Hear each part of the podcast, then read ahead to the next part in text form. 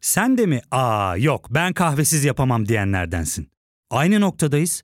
İlk ve tek kahve üyelik uygulaması Frink'le tanış. Hem bütçeni koru hem de hiç bitmeyen kahvenin tadını çıkar.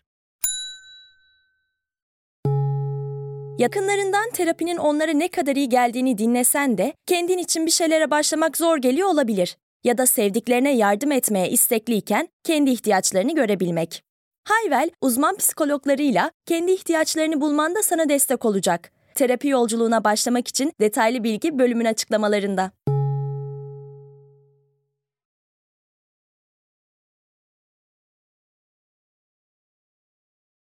Bunca seyahat sonrası neleri merak ettiğinizi merak ettiğim için Podbean'in web sitesinde yer alan ses kayıt programı aracılığıyla bana sorularınızı iletmenizi rica etmiştim. Ve e, salı günü yayınlanan son bölümde bu soruların e, ilk bölümünü yanıtladım. Sorular arasında yaşamın anlamından Tanrı'ya, önermelerin doğruluğundan e, okuma notlarına kadar çok çeşitli sorular vardı ve ben de yanıtlarken epey keyif aldığım için bu soruları böyle üstün körü yanıtlayıp geçmiş olmak istemedim ve iki parta böldük. İsmi F ve ondan sonraki harfle başlayan kişilerin soruları ise bu bölümde yanıtlanacak. Hadi birlikte kayıtlara bakalım.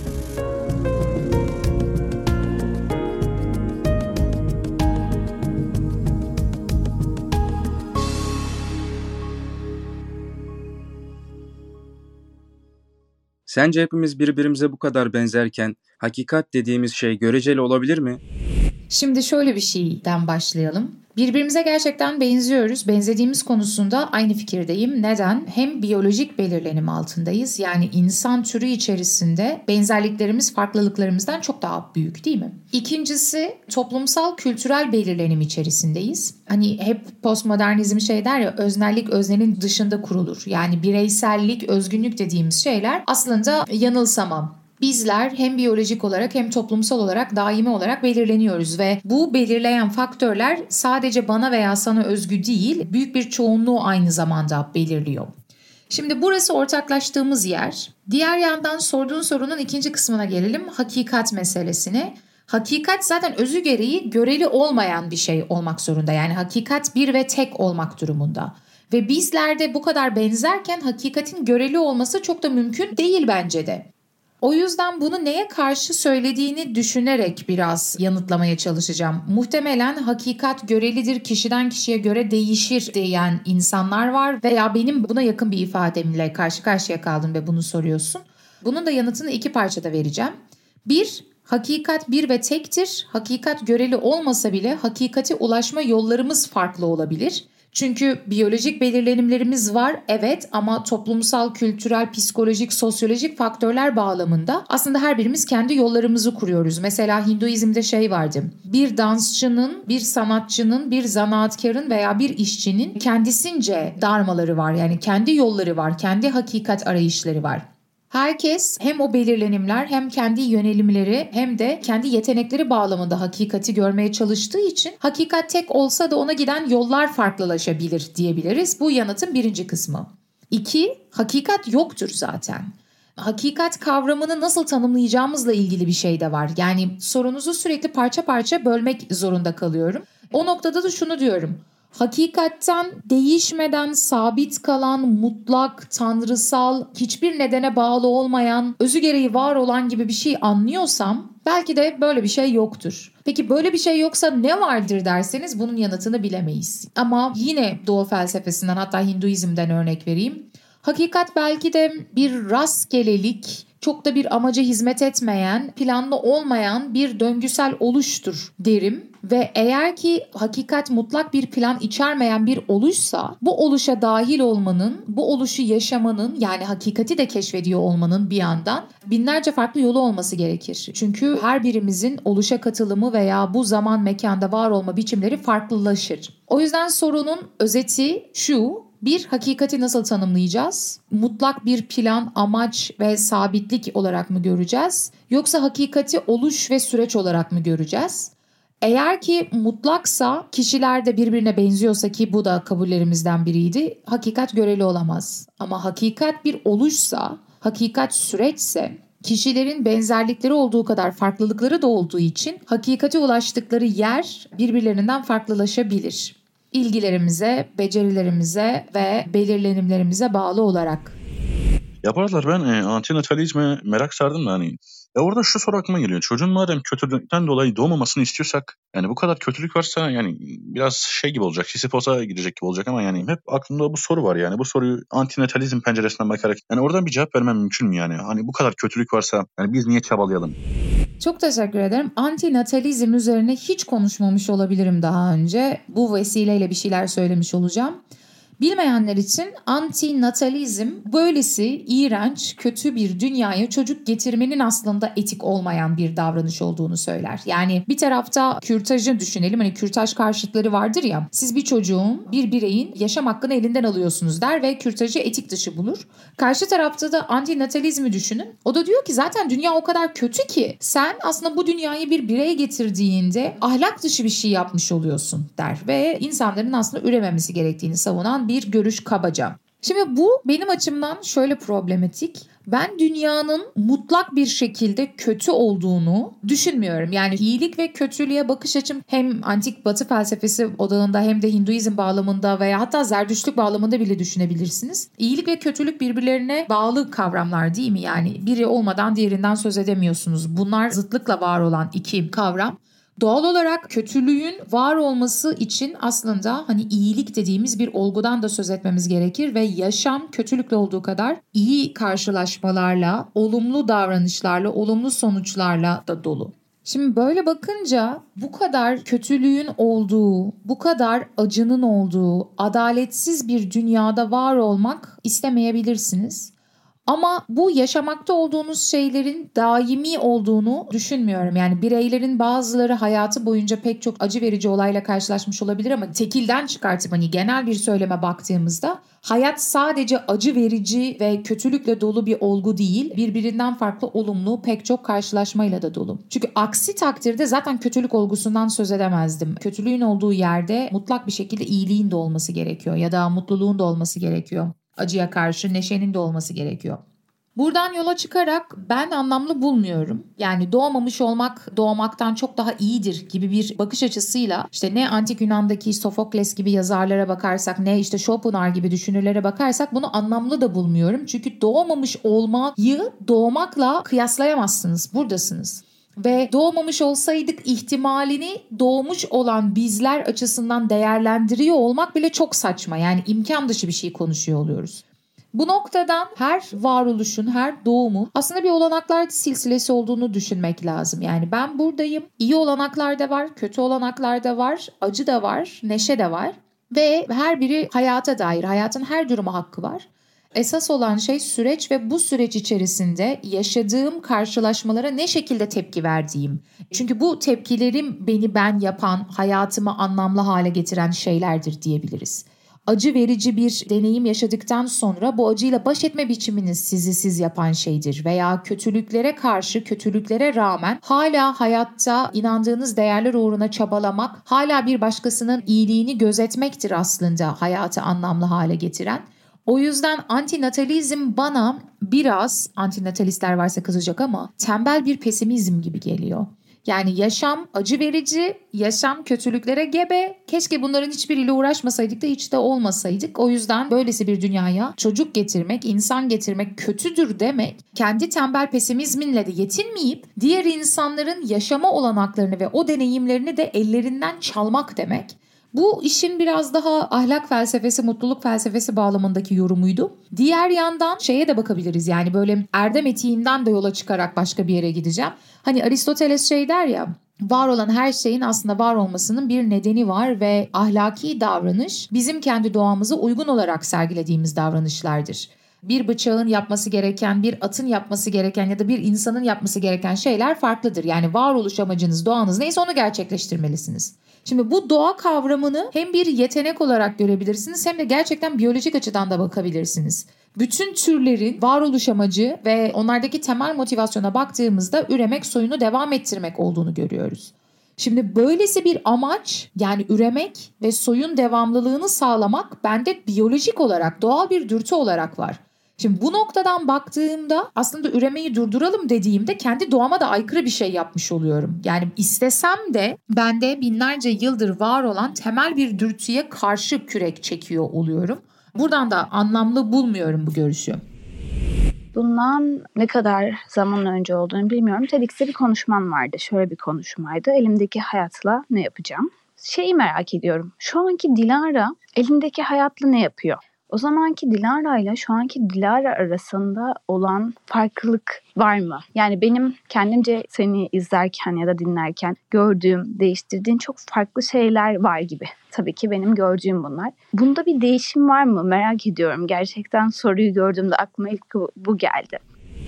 Halime Yalçın benim daha önce TEDx'te yapmış olduğum konuşmanın başlığından da yola çıkarak bir soru sormuş. Konuşmanın başlığı elimdeki bu yaşamla ne yapacağımdı. Ve o konuşmayı çok daha basit bir düzeyde tuttum. Yani evet Tanrı'nın öldüğünü söyleyebilirsiniz, hiçbir hakikate inanmayabilirsiniz ama sonrasında kocaman bir soru kalıyor. Bu yaşamı nasıl yaşamak istediğinize dair bir yaşam felsefesi kurmak zorundasınız. Sürekli de buralarda dolanıp duruyorum yani kendi felsefi yolculuğumda da önemsediğim konulardan biri. Ben insanlara felsefe anlatıyorum, felsefe öğreniyorum ama bunun sonunda elimdeki bu yaşamla ne yapmam gerektiğine dair bir bağlam yaratabiliyor muyum? O yüzden hep şey derim. İyi felsefe metafizikle başlar, etikle biter diye. Yani bence öyle olması gerekir. Şimdi bu konuşmayı yayınladıktan sonra yanıtlarım değişti mi? Bazı açılardan değişti ama büyük resimde çok da değişmedi. Yani büyük resimi şöyle kurgulayalım. Bir çerçeve düşünün. Her birimizin hayatımızı nasıl yaşamak istediğine dair bir çerçevesi olur keşfederek yaşamak isteyebilirsiniz. İşte dünyayı gezmek isteyebilirsiniz. Eğitimci olmak isteyebilirsiniz. Bilmiyorum yani bir sürü seçenek sayılabilir. Çerçeve bir sınır ama o çerçevenin içerisinde resmin ne şekilde yapılacağı, nereye gideceği belirsiz. Yani o da spontaneliğin olduğu kısım. Aksi takdirde her şey belirli olsaydı inanılmaz sıkılırdık muhtemelen. O genel çerçeve benim için değişmedi. Hala kendi hayatımı kendimi anlamaya çalışıyorum ve bu yolculukta edindiğim bilgileri insanlarla paylaşıyorum ve bunun kolektif bir yolculuk olması için çabalıyorum. Yani hem bireysel merakım var hem toplumsal katkı bağlamında kendime düşen ödev bence bu ki mesleki kariyerimi de bu bağlamda kurguladım. Hani benim iki gayim gibi bir şey buydu. Hala da devam ediyor. Durum bu şeyleri kavramlaştırabiliyor olmak veya şeyleri kavramlarla açıklayabiliyor olmak neye tekabül eder? Başka bir bağlamda aynı şeyleri sorgulayan bir videom var. Felsefe hakikati hiçbir zaman yakalayamayacak diye. O videodan sonra insanlar mistik olduğumu düşünmüştü ama kastettiğim bu değildi. Aslında şeyleri kavramsallaştırmak üzerine yaptığım bir eleştiriydi. Şimdi biz felsefede kavramlarla uğraşıyoruz. Deleuze şey der, felsefe bir kavram yaratımıdır der. Yani kavram üretirsiniz. Ve bir kavram nedir? Aslında kavram mutlaktır değil mi? Yani bir kavram Örneğin etrafınızda bir sürü ağaç vardır. Hepsi birbirinden farklı gözükür. Hepsi şimdi ve buradadır. Zamana tabidirler, yok olurlar. Ama ağaç kavramından söz ettiğimde ben tek tek tikellerden belirli bir soyutlamayla mutluğa erişirim. Ve biz felsefe yaparken, üzerine düşünürken kavramlarla iş görmek durumundayız. Çünkü zihin kavramlarla çalışıyor. Doğal olarak şeyleri kavramsallaştırmamızın amacı bu. Zihinsel bir etkinlik ortaya koyabilmek. Diğer yandan bakıldığında bunun şöyle bir zararı var. Felsefe tam da bu yüzden hakikati kavrayamayacak. Çünkü hakikat mutlak değil ve hakikat bence bana kalırsa kavramsal değil. Hakikat aslında oluş. Yani benim için hakiki olan tek şey şimdi ve buradalık ve şimdi ve burada gördüğümüz bu olay, bu süreç oluşu kavramların yakalayamıyor oluşu hatta oluşun kendisinde bir kavram olması ama oluş olan şeyi oluşun kendisinde ne olduğunu yine belirli bir soyutlamayla anlatmak zorunda olması bize bir mesafe bırakıyor. Yani hakikatle benim aramda onu ele geçiremediğim bir mesafe bırakıyor. Ben kavramlarla hakikate ne zaman yaklaşsam aslında elimin altından da kayıyor değil mi? O yüzden hakikati ortaya koymak için ya da hakikati zihinsel olarak anlamaktan ziyade ona yakınlaşmak için şeylerle, kavramlar aracılığıyla değil de şimdi ve buradalıkta bir deneyimle yüzleşmek belki de gerekli. Yani biz şeyleri kavramsallaştırarak entelektüel, zihinsel düşüncenin ürünü haline getiriyoruz felsefesini yapabilmek için ya da bilimini yapabilmek için Değil mi? Yani onu belirli bir soyut ve mutluğa oturtmak zorundasınız. Aksi takdirde eleştirel bir yerden onu inceleyemezsiniz, onu formüle edemezsiniz. Oradan bir kanun, bir yasa çıkartamazsınız. Tıpkı bilimlerde olduğu gibi. Fakat şeyleri kavramsallaştırdığınız anda şeylerin hakikatiyle yüzleşmekten, onları olduğu şey halinde deneyimlemekten de uzaklaşmaya başlarsınız. Bu yüzden kendimizi arada hatırlatmak gerekiyor. Oluşu hatırlatmak ve aslında şeylerin doğasında ne gibi bir niteliğe sahip olduğunu hatırlamak gerekiyor. Ve hem zihinsel hem bedensel olarak varlığımıza dönmek ve varoluşun bu farkındalığı içerisinde bazen de sadece kendimizi deneyimlemeye bırakmak gerekiyor sanırım. Felsefenin bu yakınlaşamadığı mesafeyi kat etmek konusunda sanat çok başarılı gibi geliyor bana aşkın bir güce yapılmaksızın dilek ve dua yapılabilir mi? Bu kavramlar İbrahimi dinler ve spiritüalizme mi aittir? Çok güzel bir soru. Teşekkür ederim. Şimdi dua zaten hani kelimenin özü bağlamında dini bir terim. Orada bir terminolojik sorun olur ama mesela şey buradan yine kişisel bir hikayeye bağlayarak devam edeceğim. Ben bazen teşekkür ediyorum. Yani hani şükretmek değil de minnettarlık aslında değil mi? Minnet duymak. Ve böylesi teşekkür etmek, minnettarlık, şükran ifadelerinin arkasında benim için aşkın bir güç yok ya da İbrahimi dinlerdeki gibi bir Allah yaratıcı olduğuna inanmıyorum. Peki ben bu durumda neye teşekkür etmiş oluyorum? Neye minnet duymuş oluyorum ya da neye şükretmiş oluyorum? Bu benim de kendi içimde düşündüğüm şeylerden bir tanesiydi. Aslında mesela orada temiz suya sahip olduğum için ya da beni koruyup kollayan ebeveynlere sahip olduğum için Talih'e teşekkür ediyorum. Peki talih benim bu teşekkürümü alıyor mu? Kesinlikle almıyor. Talih nedir ki? Yani değil mi? Şans aslında olasılıklar dizisi ve orada hem bizim hesaplayabildiğimiz hem de hesaplayamadığımız olasılıklar var ve o olasılıklar, o belirlenim sonrasında anlayamadığımız yerde bizim şans olarak adlandırdığımız bir şeye dönüşüyor. Ama ben orada talihime teşekkür ettiğimde aslında talih bu teşekkürü alıp kabul ettiği için etmiyorum da sadece iyi bir şekilde sonuçlanan bu olasılıkların farkındalığıyla aslında bir iyilik, ferahlık hissine sahip oluyorum. Bambaşka hayatlar yaşayabilirdim. Ailemle problemlerim olabilirdi. Suya sahip olmayabilirdim. Aç veya açıkta olabilirdim. Teşekkür ediyorum ama amaç teşekkür etmek değil. Yani birine teşekkür ederek bunun arttırılmasını sağlamak değil. Amaç sadece bu sahip olduğum iyi şeylerin farkındalığıyla içsel bir huzura kavuşmak ve bir ferahlık anı kendime yaratmak. Çünkü aksi takdirde sürekli daha fazlasını istiyorum. Neye sahip olduğum konusunda nankörce davranıyorum ve bende olmayanlara odaklanıyorum. Bu teşekkür dediğim şey minnettarlık diyebilirsiniz, şükretmek diyebilirsiniz, dua etmek diyebilirsiniz, iyi bir şey dilemek diyebilirsiniz her neyse. Aşkın birinin onu alıp kabul etmesinden ziyade sizin kendiniz için yaratmanız gereken bir iyilik hali, psikolojik tesiri bağlamında düşünülmesi gereken bir şey benim nezdimde. Umarım şöyle olur diyorum tabii ki ve bir şey diliyorum ama bu umarım şöyle olur derken Tanrım bana bunu ver bağlamında değil de umarım olasılıklar dizisi benim istediğim şekilde sonuçlanır diye düşünüyorum. Bu fikir olasılıklar dizisini değiştiriyor mu? Hayır. Ama benim eylemlerimi değiştiriyor. Ya burada çok önemli bir şey var. Spinoza'da var bu. Düşünceler, düşünceleri, düşünceler, eylemleri, eylemler sonuçları yaratır. Yani sizin kafanızdaki bir düşünce ondan sonraki düşünceyi yol açıyor. Çünkü düşüncelerin nedenselliği var. Ve o düşünceler sizin eylemlerinize yansıyor. Düşünceler eylemleri yaratır. Ve eylemler de sonuçları yaratır. Ben bir şeyi umut ettiğimde, dilediğimde, teşekkür ettiğimde, minnettarlık duyduğumda sahip olduğum düşünceler benim eylemlerime sirayet ediyor. Ve o eylemlerde başka eylemleri yaratıyor ve o başka eylemlerde sonuçları yaratıyor. Aslında bu yüzden minnettarlık duygusuyla hareket etmek, işte şükretmek, teşekkür etmek bir tanrıya yapılmasından ziyade benim nezdimde konuşuyorum hala. Daha iyi sonuçlara yol açacak psikolojik şartları yaratmak bağlamında. Ben de en azından böyle gelişiyor. Günümüz insanları herhangi bir problemimiz kalmamış gibi, insanlığın problemi kalmamış gibi davranıyor ve çözümler bulmuyor. Ve bunun sebebi de bence bir uygulama eksikliği, iki düşünme veya düşünür eksikliği olduğunu düşünüyorum. Eğer felsefeciler uygulamaya geçip insanları düşünmeye cesaretlendirerek eğitebilseler ve hangi meslekte olursa olsun bireyler düşünmeye başlarlarsa henüz çözülmemiş meseleleri de çözebiliriz. Bir felsefeci sadece incelemeler yapıp akademik kariyer yapmamalı. Diğer alanlarıyla işbirliği içerisinde olmalı. Özellikle eğitim konusunda harekete geçmeli ve aynı zamanda bir mühendis, bir psikolog veya bir aşçı, bir tüccar da felsefi düşünme becerileri kazanmalı. Dertleşme gibi oldu ama yine de neler söyleyeceğini çok merak ediyorum. Evet sizin de dediğiniz gibi pek soru olmamış ama güzel bir sesli not olmuş. Günümüz insanlarını başlıktan çıkartsak da olur sanırım. Yani tarihin hangi dönemi çok parlaktı bu açıdan emin değilim. Genellikle şey vardır ya her yazar, tarihçi, felsefeci kendi çağını çağların en kötüsü olarak adleder. İşte bizim aydınlanma olarak adlettiğimiz bir dönemde Kant ahlakın insanlığın yozlaştığını, durumun pespaye olduğunu falan söylüyor.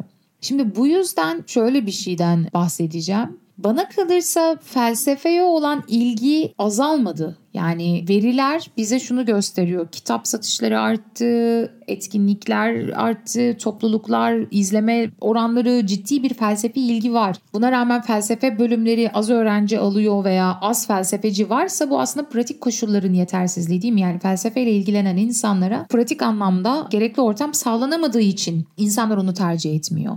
Ama felsefeyle daha az ilgileniyorlar mı? Bundan emin değilim gerçekten. Yani bu sosyolojik bir araştırma konusu olmalı. Ama söylediğiniz şeyin bir yanı var ve ona tamamen katılıyorum. Felsefe dediğimizde biz soyut bir entelektüel etkinlikten bahsettiğimiz için genellikle ya da bu şekilde sanıldığı için uygulama kısmı eksik. Ve felsefeyle ne kadar ilgilenirseniz ilgilenin aslında bu ahlaki açıdan daha iyi bir toplum yaratmıyor. Çünkü uygulamaya geçirmiyorlar ya da geçirmiyoruz. Stoacılar şey der felsefe bize nasıl konuşacağımız değil nasıl davranacağımızı öğretmeli. Bu bence batı felsefesinin kendisine batırması gereken bir çuvaldız. Çünkü doğu felsefesiyle ilgilenmeye başladığınızda şeyi görüyorsunuz. Orada ciddi bir pratikler silsilesi var. Bedensel pratiklerden yeme içme pratiklerine her yere sirayet eden bir felsefe var. E, batı felsefesi daha akademik, daha teorik ve daha soyut. Uygulama kısmında birkaç işte düşünürden akımdan söz edebiliriz. İşte Stoacılardan bahsedebiliriz. Keza Marksizm de oldukça pratiktir. Ya da varoluşçuluğun da böyle uygulamaya geçen işte varoluşçu psikoterapi gibi kanalları var. Ama biz genelde felsefeyi akademide sürdürülen bir tarzda teorik çalışma olarak görüyoruz ve uygulaması eksik kalıyor. O noktada da benim yine asıl yapmak istediğim şey bu. Yani ben gerekiyorsa hatta bu aralar bakıyorum işte psikoloji alanında bir şeyler mi okusam işte felsefe psikoloji master programları var. Üçüncü kez master mı yapsam dediğim bir yerdeyim. Ya da işte yazmak gibi hani bunu nasıl uygulamaya getireceğim? Nasıl araçları inşa edeceğim? Benim temel derdim bu. Ben gidip bilmem ne filozofu hakkında derinleşmek istemiyorum. Akademik felsefe yapmak da istemiyorum. Herkes sonsuza dek bana sığ kaldı diyebilir önemli değil. Mesele derin olmak bu bağlamda bence değil. Çünkü derin olmayı karmaşık olmak zanneden bir gelenek var. Derinlik oldukça basit de gözüken bir yerde bulunabilir bence. Benim amacım felsefeyi uygulatacak araçlar tasarlamak mesela. Yani benim gerçekten kendime belirlediğim hedef bu. Katılıyorum yorumunuza. Teşekkür ederim. Bu noktada bölümü ufak bir ara verelim, sonrasında kaldığımız yerden devam edelim. Ya fark ettin mi? Biz en çok kahveye para harcıyoruz. Yok abi, bundan sonra günde bir. Aa, sen Frink kullanmıyor musun? Nasıl yani? Yani kahvenden kısmına gerek yok. Frink'e üye olursan aylık sadece 1200 TL'ye istediğin çeşit kahveyi istediğin kadar içebilirsin. Günlük 40 TL'ye sınırsız kahve mi yani? Çok iyiymiş. Aynen. Hatta şu anda 200 TL'lik bir indirim kodu da var. E hadi hemen indirip üye ol da bu fırsatı kaçırma. Terapiye başlamak, içinden çıkamadığın döngüleri kırmak, bazı yanlış bulduğun kararlarını değiştirmek ve kendinle beraber daha huzurlu bir yaşam inşa etmek için atabileceğin en değerli adımlardan biri. Hayvel ile yoğun yaşam tempona uyum sağlayarak online terapi seanslarını takvimine göre ayarlayabilirsin. Bini aşkın uzmandan sana en uygun terapisti seçebilir, podb10 koduyla indirimden yararlanabilirsin. Detaylı bilgi açıklamalardaki bağlantıda. Kendine karşı nasıl bir tavır takınıyorsun? Kendin benliğine nasıl bir ilişki içerisindesin ve mesela zorlu bir durum olduğu zaman ya da bir şey yapman gerektiği zaman, o ihtiyacı hissettiğin zaman ama yeterli motivasyonu bulamadığında kendine nasıl konuşuyorsun? Kendine nasıl davranıyorsun? Ya da kendine karşı nasıl bir tavır takınıyorsun? Hayatımın çok büyük bir bölümünü yaklaşık 28 sene kadar kısmını hani çocukluğumu gerçi çıkartmak gerekir ama yani aklım başıma geldikten bilinçli bir birey olarak görülebileceğim işte 5-6 yaşlarından sonra 28'ime kadar olan sürede kendime karşı çok acımasız çok sert eleştiriler yapan hatta kendime karşı kaba bir insandım. Kafamın içerisinde sürekli beni yargılayıp aşağılayan bir mekanizma vardı. Yani kötü bir bağlamda aşağılamak, hakaret bağlamında söylemiyorum da bunu. Ciddi eleştirel bir mekanizma vardı. Sürekli daha iyisini yapabileceğimi söyleyen, işte mükemmel olanla, ideal olanla kıyaslayan ve beğenmeyen bir mekanizma. Sonrasında başıma gelebilecek en kötü ve en iyi şey aynı anda oldu. Binlerce insanın karşısına çıktım. Şimdi bu kendini sürekli olarak eleştiren bir insan için muazzam derecede bir ceza. Çünkü sen zaten kendini eleştiriyorsun. Bir de üstüne binlerce insan seni daha eleştiriyor. Ve sen zaten bazı açılardan yetersiz olduğunu düşünüyorsun. Özgüvensiz olduğun, kırılgan olduğun yerler var. Ve karşına çıkıp bu sefer binlerce insan sürekli olarak seni yetersiz olduğuna inandırmaya çalışıyor. Kötü olduğuna inandırmaya çalışıyor. Ve yapmakta olduğun şeyi yapmaman konusunda teşvik etmeye çalışıyor. Şimdi tabii nankörlük de etmeyeyim şanslıydım ben. Karşılaştığım insanların çok küçük bir kısmı hater diyebileceğimiz işte nefret saçan insanlardı. Genellikle olumlu şeyler duydum. Genellikle dediğimde çok büyük bir ölçüde olumlu şeyler duydum. O yüzden iyi karşılaşmalarımı da yabana atmak istemiyorum ama yine de böyle kendinizi sürekli eleştiren bir insansanız o küçücük %3'lük hater kesime bile gözünüze çok geliyor değil mi? O dönem benim için çok büyük bir hesaplaşmaydı. Yani zaten 28 yaşındasınız ve ilk kez bir iş yapıyorsunuz ve bir girişiminiz var. Hani hayatınızı nasıl yaşayacağınızı da düşünüyorsunuz bir yandan. Ya bunu bırakacaktım, yapamayacaktım ya da devam edecektim. O noktada bir yerden sonra insanların sürekli saçtığı nefretle birlikte bende enteresan bir şey oldu. Öz şefkat dediğimiz o kavram gelişti. Ya ben bunu yapmayı seviyorum. Bunu yaparken eğleniyorum. Aslında bunu yapıyor olmamın da kimseye bir zararı yok. Hatta belki olası olumlu sonuçlar doğurabilir. Demek ki ben de bu kadar yapabiliyorum. Demek ki benim elimden de bu kadar geliyor. Tamam belki de bazı insanların söylediği gibi aptalım, bazı insanların söylediği gibi çirkinim, bazı insanların söylediği gibi yeteneksizim tamam. Ama yani nihayetinde ben buyum. Epitopu bu Dilara ve bu benim. Ben elimden geleni yapıyor muyum? Evet. Elimden gelenin en iyisini yapmak konusunda bir motivasyonum var mı ve kendimi geliştirmeye çalışıyor muyum? Evet. O zaman iyisi de kötüsü de her şeyle durum bu. Dediğim bir yere vardım. Eğer sevmediğim bir şey yapıyor olsaydım buraya asla varamazdım. Yani sevmediğim bir şeyin içerisinde bir de sürekli olarak kendime bana karşı kaba davranan insanlar olsaydı muhtemelen devam edemezdim ve oradan ciddi bir kompleks, özgüvensizlik, öz saygı eksikliği doğabilirdi. Ama en temelde ben sevdiğim bir şey yaptığım için ve beni mutlu eden şeyi sürdürme konusunda bir eğilim taşıdığım için gerektiğinde bambaşka bir mekanizma işleyebildi. Yani onu tutunma, onu sürdürme konusunda bir motivasyon. E ben de bunu yapabiliyorum demek. O açıdan YouTube benim hayatımdaki en büyük etkisini aslında özgüven konusunda ve öz şefkat konusunda getirdi. Popülerlik değil, felsefe konusundaki gelişim değil, maddi bir gelişim değil. Ben YouTube sayesinde, başlangıçta YouTube olduğu için bunu söylüyorum. Podcast aileye yeni katıldı. YouTube sayesinde o öz şefkat mekanizmasını geliştirebildim. Hayatımın en büyük katkısı gerçekten bu. Ve şimdilerde artık daha anlayışlıyım. Yani kendime karşı sürekli bir eleştiri mekanizması yok. Evet eleştirdiğim yerler var. Bununla ilgili de şöyle söylüyorum. Sabahları hayatımızın mimarı, akşamları yargıcı olmak. Yani sabah uyandığınızda bir mimar gibi hayatınızı tasarlamak o günün en azından neye gideceğini düşünmek ama gece uyumadan önce de bu defa bir yargıç gibi hedeflediğiniz bu amaca, bu plana ne kadar sadık kalabildiğiniz, ne kadarını işler hale getirdiğiniz, ne kadarını yapamadığınızı görmek. Sadece fark etmek için görmek ama hapse atıp kırbaçlamak için değil. Ya ki zaten hukuki bir sistemde kimse hapse atılıp kırbaçlanmıyor. O yüzden o noktada yargıç kelimesini suçlamak bağlamında değil de fark etmek ve durumu analiz etmek bağlamında kullanıyorum. Bunu da altını çizmek isterim. Ve benim kullandığım programlar mesela ajanda olarak kullandığım işte Tik Tik adlı programda da taslaklarınızın yüzde kaçını tamamlayabildiğinizi gösteriyor size. Bu tarz farkındalıklarla dünden biraz daha iyisini yapmayı denemek. Şu an kendimle aramız iyi. Kendimi seviyorum yani kendime bayılıyorum diyemem ama ha okey bu da benim. Fena değilim ya bence ee, dediğimiz böyle tatlı bir ilişki var. Buraya gelmiş olmak iyi hissettiriyor. Aksi takdirde hayat gerçekten katlanılmaz olurdu. Ama buraya gelmek dediğim gibi biraz şey 30'lu yaşlarda ortaya çıkan bir şey sanırım. Herkes öyle söylüyor. Yani 18-19 yaşındaki Dilara'ya para verseler üzerine dönmek istemem. Gençlik her zaman geri dönülmek istenilen bir şey değil diyerek tamamlıyorum. Bilim adamları veya felsefeciler genel anlamda bir uzayın sınırı olduğunu, evrenin bir sınırı olduğunu düşünüyoruz ama ben bu sınırı neden koyduğumuzu bir türlü anlayamıyorum. Belki de sınırı yok ya da bir sınır olmak zorunda değil. Sizin uzayın sınırı, evrenin sınırı ya da hayatın sınırı ile ilgili bir düşünceniz var mı? Mesela ölüyoruz, ruh varsa nereye gidiyor? Ya da öldükten sonra enerji miyiz? Enerjimiz mi başka bir yere akıyor?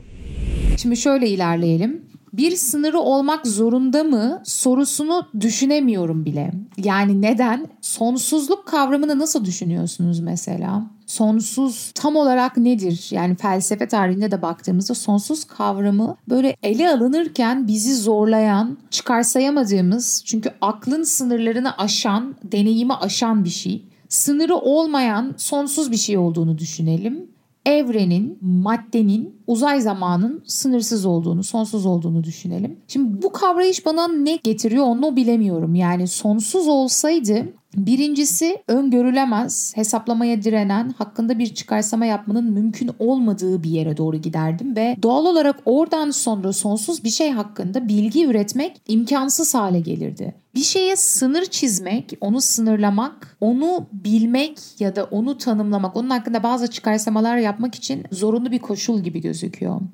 Düşünün nesneler arasında onları kavramsal olarak sınırlıyoruz değil mi? Bazılarına kalem diyoruz bazılarına masa diyoruz. Aslında bir masa da bir kalem de ahşap tahta malzemeden yapılıyor olabilir. İkisi de ağaç malzemeden yapılıyor olabilir ama birine kalem birine tahta diyorsunuz. Onları kullanışlarına göre sınırlıyorsunuz ve bu sınır o şeyi sizin için daha belirli, daha tanımlı hale getiriyor. Şimdi aynı şeyi varlık bağlamında da düşünebiliriz. Yani bu sınırları çizme gerekliliği ya da sınırlama eğilimimizin altında yatan şey bu. Şimdi bu eğilimin dışında bir de şöyle bir şey var. Gerçek var yani fizikçilerin söylediği şey. Evren sınırlı değil zaten. Evren sınırsız yani siz evrenin içerisinde bir yere doğru gittiğinizde bir köşeyle bir duvarla karşılaşmıyorsunuz. Bir sınırı yok bildiğimiz kadarıyla. Ama evren sonlu. Çünkü sonsuz yani bunu eğer zamanda sonsuzluktan bahsediyorsanız, ebedilikten bahsediyorsanız biz evrenin bir sonu olduğunu matematiksel hesaplarla biliyoruz. Başı olduğunu da biliyoruz. 13.8 milyar sene önce ortaya çıktı. Bu noktada ciddi krizler var. Yani 13.8 milyar sene önce ortaya çıkan evrenden önce ne vardı sorusu yanlış bir soru oluyor. Çünkü evren aslında zamanın da başlangıcı. Zamandan önce ne vardı diyemezsiniz. Önce kavramını veren şey de zaman ya. Ama bir şeyden ortaya çıkmış olması gerekiyor değil mi? Yani evrenin başlangıcı problemi veya onun öncesi veya bunun hangi zeminde ne şekilde mümkün olduğu zaten fizikçiler açısından da bir soru işareti. Yani genel olarak biz Big Bang'in kesin başlangıç olduğunu değil de zamanın başlangıçtaki bir anını tanımlayan bir medium olarak ele alındığıyla karşılaşırız ve evrenin bir başı varsa bir sonu da var. Yani bir noktada başlayıp ve sonsuza doğru gitmediğini yine bu matematiksel formülasyonlarla biliyoruz. Doğal olarak evren neden sonsuz değil de sonludur sorusu bizim arzularımızdan bağımsız bir gerçeklik gibi gözüküyor.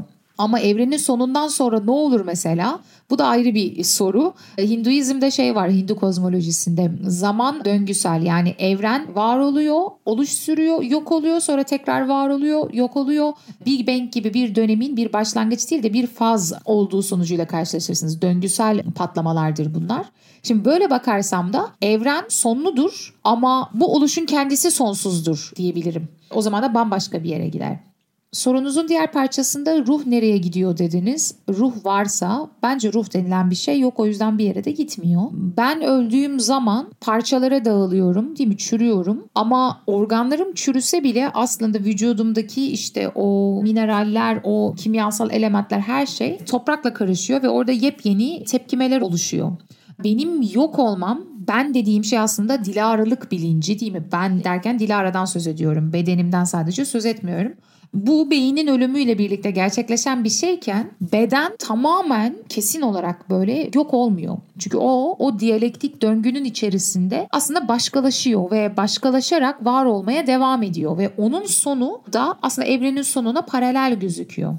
Şimdi buradan bakmak doğru olabilir diye düşünüyorum ama hani peki ruha neden inanmıyorsun derseniz bu bambaşka bir soru olacak. Bu sonluluk, sonsuzluk meselesini şimdilik burada kapatmayı önereceğim. Ama yine de mesela ruha neden inanmıyorum? Güzel bir içerik başlığı olurmuş. Bunu bir düşüneyim. Türkiye'deki şartlar içerisinde özellikle neyin kontrolümüzün altında, neyin kontrolümüzün dışında kaldığını kıyaslayacak olursak felsefe bölümü okumak isteyen bir öğrencinin geleceğinin ne kadarı uğraş ve becerilere bağlıdır? Yani bu durumda muhtemelen ben istisnai örneklerden biriyim.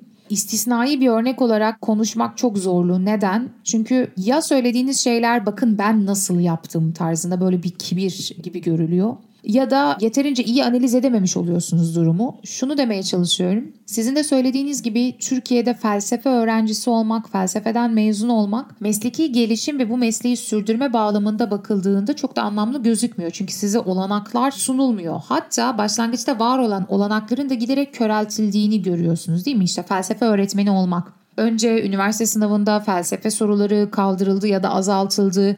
Sonrasında dershanelerin kapatılmasıyla okullar dershane statüsünde bir şeye dönüştü ve artık önemli olan şey sadece üniversite sınavında daha çok doğru yapmaktı.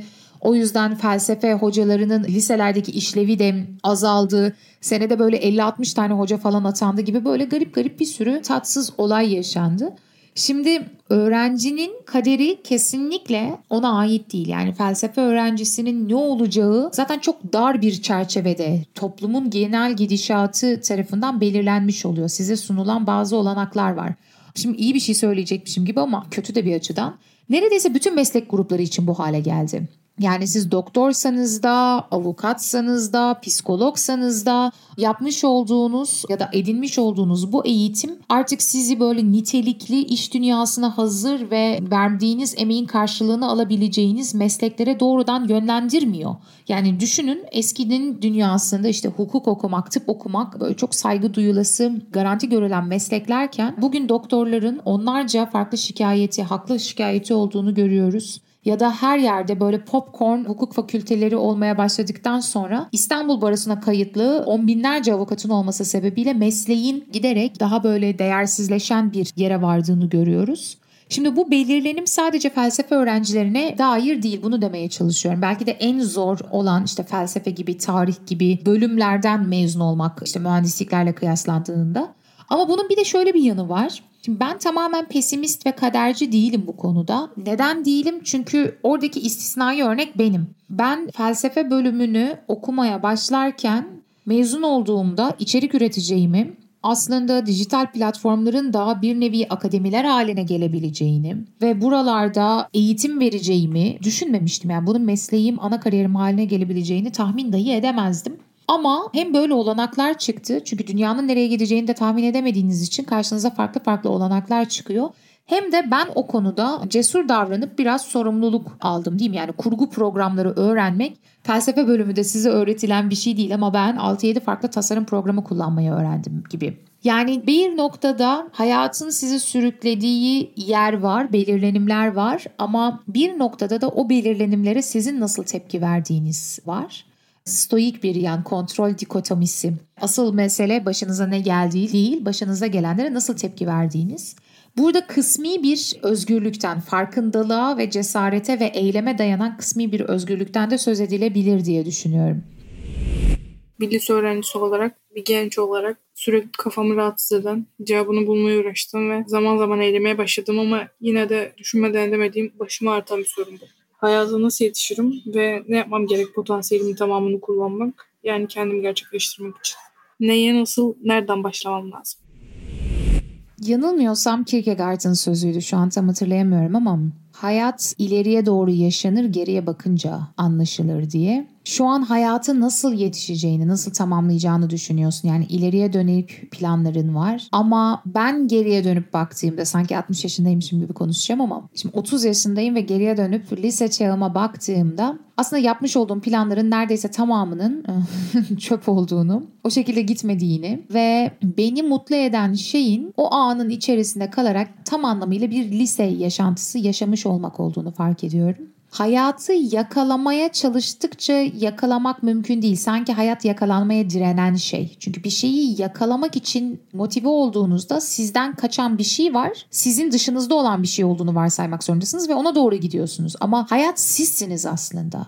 Doğal olarak o yakalamanız gereken bir şey değil. Yaşamanız gereken bir şey. Zaten yaşamakta olduğunuz şey.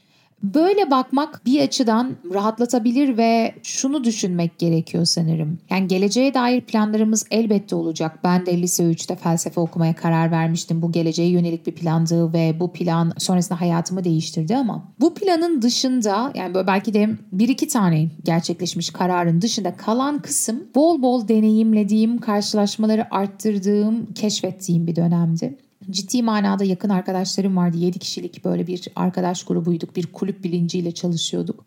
Çok anlamsız şeyler yapardık gerçekten. Hiç izlemediğim ama izlenmesi gereken filmler listesini tamamlamak, klasikleri okumak, gerçekten yetenekli miyim diye tango kursuna gitmek, gitar kursuna gitmek, yarım bıraktım onlarca kurs, Fransızca kursuna gitmek gibi. Çünkü hayatta kendinizi anlamaya çalıştığınız, keşfetmeye çalıştığınız dönem şöyle olmalı kendinizi keşfetmek dediğimizde hani saklı bir kutuda var olan sizlik idealini aramıyoruz ya aslında. Keşfetmek yaratmakla aynı şey. Kendimi nasıl keşfedebilirim? Kendimi nasıl yaratmaktayım sorusunu beraberinde getiriyor.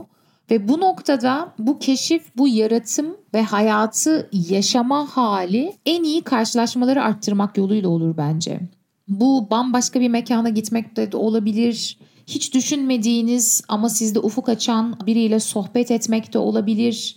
Biri önerdiği için 1956 yapımı bir film izlemişsinizdir. O da olabilir. Çünkü dünyanı genişletmen gerektiği bir yer. Hepimiz öyle ama belki de sen daha çok karşılaşmaları olabildiğince arttırarak, keşfetmeyi olabildiğince arttırarak neyin sana, doğana daha uygun olduğunu, neyin sana uygun olmadığını anlamak. Bence yegane görev en azından işte 15, 16, 20, 22 gibi 25'e kadar hatta belki de bu diye düşünüyorum. Yani ben elektro gitar kursuna gittim 3 ay kadar ve kesinlikle bana göre değildi. Ama gitmeseydim enstrüman çalmanın bana göre olduğunu düşünebilirdim. Bundan bahsediyorum bazen kendimizi anlamak için ne olmadığımızı anlamak gerekir. O yüzden deneyip A, bu da değilmiş demek de oldukça önemli. Geçenlerde izlediğim psikolojik bir dizide şöyle bir sözle karşı karşıya gelmiştim. Kimsenin okumadıkları günlüklerinde bile insanlar yalan söylerler. İşte her ne zaman bu sözü hatırlasam kendime diyorum ki günlükteki sen kim? Şu an yaşamda fiilen bulunan sen kim? Sizce bu iki benlik arasındaki fark nedir? Çok güzel bir konu. E, insanlar kimsenin okumadığı günlüklerinde bile yalan söylerler. Ne yalan söylemez biliyor musunuz? Veri. Geçen hafta YouTube'da yayınladığım video veriler hakkındaydı. Algoritmalar. Seni senden bile daha iyi tanıyan algoritmalar hatta zaten içeriğinde başlığı bizler kendimize kendimiz hakkında da yalan söylüyoruz. Yani olmak istediğimiz, olduğumuzu düşündüğümüz, inanmak istediğimiz şekilde her şeyi kurguluyoruz ama algoritmalara bir bakıyorsunuz. Gerçekten hangi tarzda filmler seviyorsunuz? Hangi kitapları ne kadar okuyorsunuz? Bu veri size e, gösteriyor bunu. Yapay zeka çağı biraz ürkütücü. Dürüstlük konusunda bizden daha iyi olduğu kesin. Şimdi kendim için yarattığım anlatılar veya kendim için oluşturduğum kendi nezdimde imge ve yaptığım şeyler arasında devasa bir farklılık olabilir ama şunu kabul etmekte fayda var. Ben ne yapacağımı söylediğim şeyim, ne düşündüğüm şeyim, ne olmak istediğim şeyim, ben yaptığım şeyim. Yani orada kendimize dair bir anlatı, bir kurgu yaratıyoruz. İşte sabah erken uyanan, spor yapan, çok ahlaklı, çok çalışkan, çok dürüst falan filan. Ama akşam yatağa yatarken şunu biliyorsunuz. Aslında bizler yaptığımız şeyleriz, eylemlerimiziz değil mi? Sadece eylemlerimizi izlemiyorum çünkü eylemler bazen belirlenmiş bir şekilde sınırlı da olabilir. O eylemleri yapmak durumunda da kalabilirsiniz ama aslında kafanızın içinde bambaşka projeler vardır, hayaller vardır, idealler vardır. Bundan bahsetmiyorum. Elbette eylemleriniz olduğunuz kadar hayallerinizsiniz de, umudunuzsunuz da.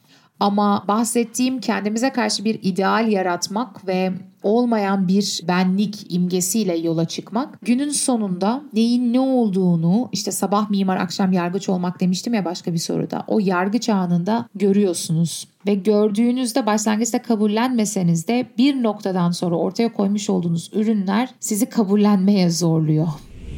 Yoga öğretisiyle ilgilenen biri olarak daha önce doğuya hiç seyahat etmedim o topraklarda bu enerjiyi hissetme şansına hiç ulaşamadım. Ama gitmeyi de çok istiyorum. Buralara gitmiş ve oralarda çalışmış, deneyimlemiş bir insan olarak sence bu öğretiyi uzaktan hissediyor ve yaşıyor olmak yeterli mi? Yoksa mutlaka gitmelisin ve görmelisin diyor musun?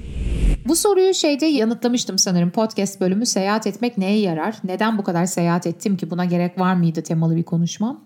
Bence gidip görmeden, yaşamadan o öğretiye tam olarak edimselleştirmek mümkün gözükmüyor. Neden? Çünkü bu şuna benzemiyor. Yani Batı felsefesi çalışıyorsunuzdur. İşte Avrupa'da bir sürü ülkeye gitmişsinizdir ama Fransa'ya gitmemişsinizdir. Böyle bir şeyden bahsetmiyoruz. Biz zaten batı kültürüne çok aşinayız, çok yakınız. Doğu kültürüne de yakınız bir açıdan. Yani kültürel olarak yakınız ama gündelik hayatımızda pratik ettiğimiz şey doğu felsefesindeki gibi değil. Yani eğitim sistemimiz batılı, hukuk sistemimiz batılı, yeme içme alışkanlıklarımız batılı, televizyonda izlediğimiz filmler, diziler her şey batılı. O yüzden işte Hint felsefesinden esinlenerek ortaya çıkan bir ya da Hinduizm'den ortaya çıkan bir pratik olan yogayı benim kültürel olarak kendim yakın görmem çok da mümkün değil. Ve oraya gittiğinde şunu göreceksin. Aslında genel olarak bir yaşam felsefesi dediğimiz bir kategori var ve işte meditasyon da bunun parçası, Ayurveda beslenme de bunun parçası, yoga da bunun parçası. İnsanların onu nasıl pratik ettiğini görmek nelerin olduğunu, nelerin olmadığını fark etmek, hangi detaylara dikkat ettiğini görmek yani çok enteresan pratikler. Ben ev arkadaşım sebebiyle bayağı Hindu Budist biri nasıl yaşar bunu görmüştüm yemekten önce yaptığı meditasyonlara kadar. O dünyanın içerisine girmenin pratiklerini derinleştireceğini düşünüyorum. Ve şöyle bir şey daha söyleyeceğim. Nepal seyahatimden sonra artık bunu söyleyebilirim. Biz şimdi Doğu felsefesini, Hinduizmi, yogayı da batılılaştırılmış bir şekilde öğreniyoruz. Yani Zen de burada yine batılılaşmış oluyor. Ve işte Japonya'ya gittiğinde ya da Nepal'e gittiğinde Budizmin ve Zen'in kalelerinden bahsediyorum. Bizim burada konuştuğumuz bu felsefelerin ne kadar yozlaşmış olduğunu görüyorsun. Oradaki eğitmenler de aynı şeyi söyleyecek. Ya İbrahim'i dinindeki gibi kurgulamaya başlıyoruz. İşte Hristiyanlığa benzetiyoruz. Öz şefkat ve öz sevgi temasıyla onu kavramaya çalışıyoruz. Ya da işte daha böyle Anglo-Sakson bir kültürde o pratikleri yaratmaya çalışıyoruz. O yüzden bunu batılılaşmamış halde otantik bir şekilde öğrenmek için aslında bu kültürde doğup büyüyen, onu kuran insanların onu nasıl sürdürdüğünü görmek gerekiyor. Çünkü biz öyle bir Budizm konuşuyoruz ki burada Batı Akademisi'nde sanki bu böyle çok seküler, asla dini olmayan, dünyevi bir felsefi araştırma programı falan gibi bahsediyoruz. Nepal'e bir gidiyorsun aklın uçuyor aslında bayağı din. Nepal'deki Budizm'den söz ediyorum. Tabii onun da kendi ekolleri var altında. E, farklı okulları var. Bununla ilgili de bölümüm vardı bayağı dini bir ritüel olarak yaşıyorlar. Yani ellerini bir yerlere e, işte dokunduruyorlar, kendilerini kutsuyorlar, pirinç atıyorlar falan filan. Bunu gerçek o mekanda gördüğünde sürekli olarak ya akademikleşen ya soyutlaşan ya otantik doğasını kaybeden ya batılı kültürlerle harmanlandığı için batılılaşan bir şey öğrenmekte olduğunu fark ediyorsun. Benim böyle çok da arkadaşça bir yerden söylüyorum. Önerim ne yapıp ne edip gidip görmen yönünde olur. Çok teşekkür ederim. Şahane sorulardı ve notlardı. Bu sorulardan bazıları kendi başına içerik haline gelebilir. Ben de birkaç tane not almış bulundum. Bana ilham verdiniz ve başlangıçta ne çıkacağını bilmediğim için de her defasında çok eğlendim. Acaba bu defa kutumdan ne çıkacak gibi. Belki bir süre sonra bunu tekrar yaparız. Gelecek bölümde görüşene dek meraklı kalın.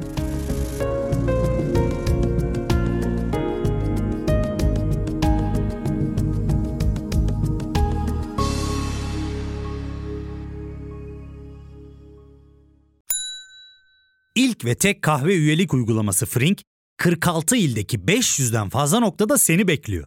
Açıklamadaki kodu girerek sana özel 200 TL'lik indirimden faydalanmayı unutma. Hadi sen de Frink üyeliğini başlat, kahven hiç bitmesin.